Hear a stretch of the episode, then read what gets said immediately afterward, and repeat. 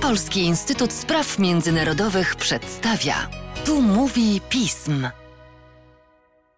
Tu mówi pism. Przy mikrofonie Mateusz Józwiak, a wraz ze mną Michał Wojnarowicz, analityk, ekspert Polskiego Instytutu Spraw Międzynarodowych do spraw Izraela. Cześć Michale. Cześć Mateusz. Szanowni Państwo, pora porozmawiać o gospodarce. Choć niespecjalnym zaskoczeniem jest to, o jakim państwie mówić będziemy, a to ze względu na obecność naszego gościa. Michale, przy okazji Twojego najnowszego Strategic File, który już teraz polecam Państwu przeczytać, warto przyjrzeć się bliżej rozwiązaniom izraelskim. Sektor high-tech jest w Izraelu najważniejszym elementem gospodarki. Stanowi jego główne źródło inwestycji zagranicznych i generuje ponad połowę eksportu. Jego rozwój jest napędzany również przez rosnące globalne zapotrzebowanie na produkty i usługi cyfrowe. Pora więc chyba na pierwsze pytanie: co go charakteryzuje i jakie pełni funkcje?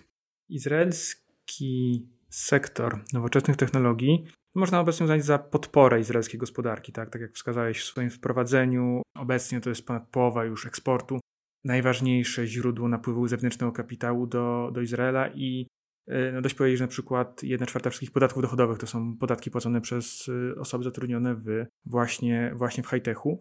Na samym początku to skupienie się na nowoczesnych technologiach było taką trochę no, jedyną, najłatwiejszą alternatywą dla izraelskiej gospodarki, która no, od początku powstania państwa no, operowała w warunkach braku, braku surowców. Tak? Więc jeśli brakuje naturalnych surowców, które są jakby takim najprostszym źródłem dobrobytu, dochodu państwa, no, trzeba rozwijać inne gałęzie, na przykład wiedzę. Tak? I stąd właśnie płynnie przechodzimy do tego, co właśnie kierowało mm, izraelskich, e, izraelskich polityków i, i środowiska biznesowe, żeby właśnie rozwijać ten sektor zaawansowanych technologii w latach 80., 90.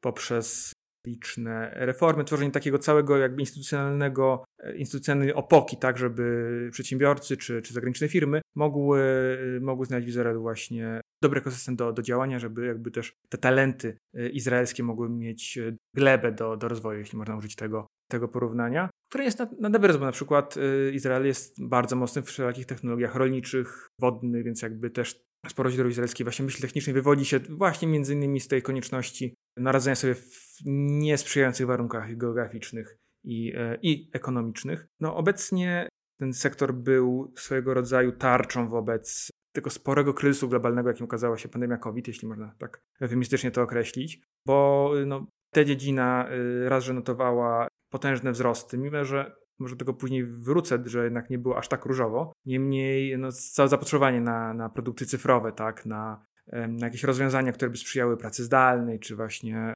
cyfrowe rozwiązania w medycynie, czy na przykład telemedycyna. Izrael też mocno korzysta z tego, że jest jednym z istotniejszych miejsc produkcji mikroprocesorów, a obecnie mamy do czynienia z dużym kryzysem. Więc Izrael właśnie poprzez spore nakłady państwowe tak, na, na badanie i rozwój, przez sporą, spore ułatwienia dla, dla zewnętrznych inwestorów, duże nakłady też na edukację, bo to jednak jest zawsze ten punkt wyjścia, tak, żeby zapewnić sektorowi właśnie dopływ siły roboczej, z czym nie jest tak łatwo, też może o tym za chwilę powiemy. No i przede wszystkim na tym takim poziomie już międzynarodowym y, budowa marki państwa, tak, to sformułowanie naród startupów, które jest y, nagminnie powtarzane w praktycznie wszystkich izraelskich przemówieniach dyplomatycznych w świecie zewnętrznym. Służy między innymi temu, żeby właśnie zmienić ten wizerunek państwa wcześniej utożsamionego z konfliktami, z problemami bezpieczeństwa na coś bardziej y, pozytywnego, a także no już na takich bardziej bieżących relacjach no, budować po prostu pozycję międzynarodową, budować nowe pola współpracy właśnie z zagranicznymi partnerami. No i cóż, i tutaj możemy przejść do kolejnego pytania. Tak jak wspomniałeś, budowa e, technologii high-tech jest to bardzo długotrwały, ciężki proces, jednak jeżeli już zostaje odpowiednio rozwinięty, daje możliwość kreowania rzeczywistości, również tej związanej z polityką zagraniczną.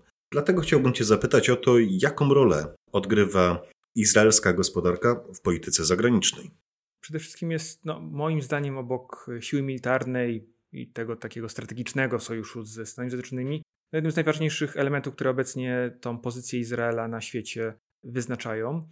Motyw izraelskiej innowacyjności i przedsiębiorczości się przewija mocno w praktycznie wszystkich bilateralnych relacjach z różnym oczywiście natężeniem, tak, bo partner partnerowi nierówny podstawowym punktem odniesienia są wciąż dla izraelskiego high-tech są Stany Zjednoczone jako źródło finansowania, jako jakby miejsce pochodzenia większości najważniejszych korporacji, które w Izraelu działają, a też na takim poziomie bezpośrednim, no, to tam funkcjonuje bardzo rozległa, liczna tak zwana diaspora techniczna, czyli no, Izraelczycy, którzy wyjechali szukając nowych wyzwań i lepszego zarobku w Dolinie Krzemowej, więc to też nie tracąc jednocześnie tych więzi z, z państwem, więc to tworzy też pewien jakby przedłużenie tego izraelskiego ekosystemu innowacyjności. Po drugie jest też Europa i o ile wiele z, no, negatywne, czy można powiedzieć o, o, o relacjach politycznych, jakie są obecnie między Unią Europejską a Izraelem, to jednak ta innowacyjność, ta y, współpraca w tych sektorach naukowych i technicznych jest y, no, jedną z najlepiej się rozwijających. Jednym z tych obszarów, gdzie Izrael na przykład potrafi pójść na spore ustępstwa w swojej standardowej polityce.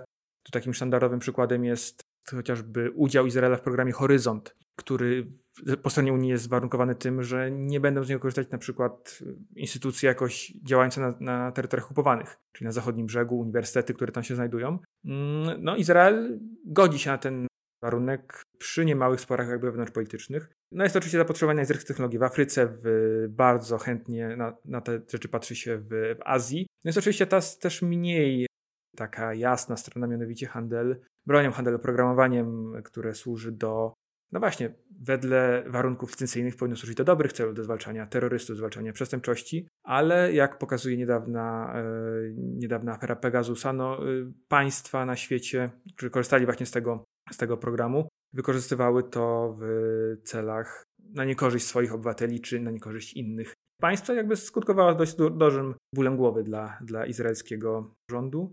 No i są wreszcie, no jakby zostawiając na, na boku może te państwowe sprawy, to oczywiście wielkie korporacje, tak, które chętnie patrzą na Izrael jako właśnie taki rezerwuar siły, siły umysłowej, miejsce, gdzie można właśnie rozwijać nowoczesne technologie, absorbować też to, co Izrael, e, Izrael wytworzył, więc e, tu też ich rola jest, jest istotna. E, najważniejsi gracze są bardzo, bardzo aktywni w Izraelu, ale ich obecność też potęguje pewne wewnętrzne problemy tego systemu, bo, bo no nie jest tak, tak ładnie z tym narodem startupów.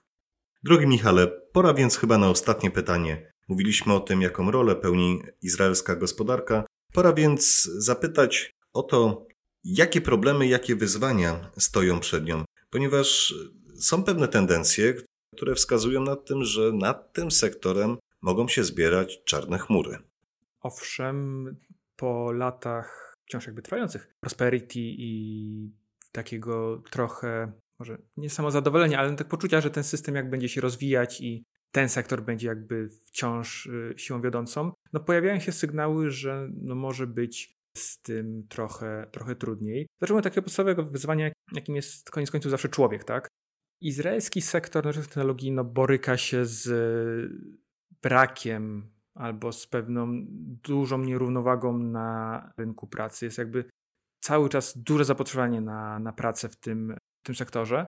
Najlepsi żołnierze służący w elitarnych jednostkach cybernetycznych izraelskiej armii są rozchwytywani przez rekruterów najważniejszych firm już praktycznie na służbie.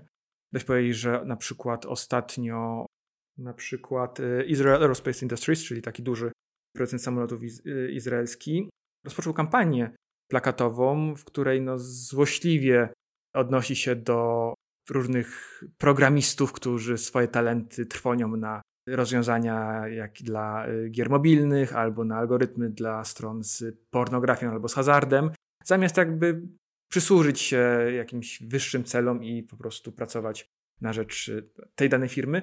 Ale to pokazuje ciekawy paradoks, że właśnie ten sukces tego sektora jest wyzwaniem dla firm zbrojeniowych, dla armii, bo te elitarne języki cybernetyczne, o których wspominałem, one są traktowane teraz jako po prostu szczebel kariery, tak, a nie wartość sama w sobie. Izrael też no, sobie póki co nie do końca radzi z używaniem tego sektora jako pewnego narzędzia w polityce społecznej, tak, które miałoby angażować te najsłabsze grupy typu ludność ultraortodoksyjna, ludność arabska, ich udział w tym sektorze, który jest, przypomnijmy, najbardziej dochodowym, na rynku płacowym, jest wciąż bardzo niewielka. A no, szanse, że jakoś przysłużyłby się do, do zmian społecznych są naprawdę spore, bo na przykład większość właśnie pracowników z sektora y, z, z jakby z populacji ultraortodoksyjnej są kobiety, więc to takie dość nie, nieoczywiste połączenie, prawda, ludność y, ortodoksyjna y, i, i, i nowoczesne technologie, ale to ma spore przełożenie. Czy właśnie większej emancypacji ekonomicznej ludności arabskiej, która też jest tą jakby najsłabszą pod tym socjoekonomicznym względem izraelskiej populacji. Więc też kolejną jakby taką ofiarą seksu jest to, że ten sektor generuje potężne rozwarstwienie społeczne. płace w tym sektorze są niebotycznie większe niż wreszcie społeczeństwa, co siłą rzeczy generuje też napędzanie cen i w tym momencie Tel Awiw jest miastem, no niektórzy mówią już nie do życia pod względem płacowych dla ludzi, którzy po prostu nie pracują w high-techu. Władze starają się jakoś temu, temu zapobiegać, niemniej jest to dość, y, dość trudne. Dodatkowo dochodzi właśnie jeszcze ta rywalizacja pracownika, ta y, rosnące koszty utrzymania, co w połączeniu z też takim trochę klimatem rozrzutności, tym jakby tym takim ciągłym napływem kapitału, z którym można robić naprawdę wiele, wiele, a niekoniecznie to się później wiąże z jakimś konkretnym, udanym produktem, no to sprawia, że sektor przestaje troszeczkę dać na atrakcyjności. Liczba startupów w Izraelu nowo zakładanych maleje, tak samo jak maleje liczba, jak maleje, maleją środki przeznaczone na, na, na rozwój startupów w ich takim najwcześniejszej formie, czyli to jakby co jest takim najbardziej, na, najlepszym chyba papierkiem lakmusowym dla to, jaka jest przyszłość dla tego, dla tego sektora. To są wreszcie no, jakieś problemy właśnie wizerunkowe, chociażby tu związane z tym systemem y, Pegasus. No dość powiedzieć, że w ostatnim raporcie Banku Centralnego, Izraelskiego Banku Centralnego, y, no pojawiło się na to określenie y, choroba holenderska, tak? czyli być może to, że Izrael jest już zbyt mocno przywiązany do tego swojego motoru i cierpią na tym inne, inne sektory gospodarki i należy powziąć jakieś kroki, które pozwolą no, ewentualnemu krachowi zapobiec. Także no, sytuacja jest to brzmi oczywiście potwornie banalnie, ale również tutaj bardzo dynamiczna. Klimat ogólnie inwestycyjny na świecie obecnie, ogólnie sytuacja gospodarcza też y, ma tutaj dużo do, y, ogra swoją dużą rolę, więc uzysk z okresu pandemicznego to być może był pik dla izraelskiego sektora high-tech, a y, droga może być dość wyboista przed nim. Szanowni Państwo, jak każda gospodarka i każdy jej sektor, prędzej czy później traci na impecie. O tym, co czeka dalej gospodarkę Izraela, będziemy mieli jeszcze okazję porozmawiać z Michałem. A tymczasem dziękuję Ci za dzisiejszy podcast. Bardzo dziękuję, Mateuszu. Państwa zaś zachęcam do śledzenia naszej strony internetowej, czytania najnowszych biuletynów i komentarzy, w tym ostatniej pracy Michała, do której link znajdziecie Państwo w komentarzu. Z mojej strony to wszystko. Dziękuję bardzo za uwagę i do usłyszenia.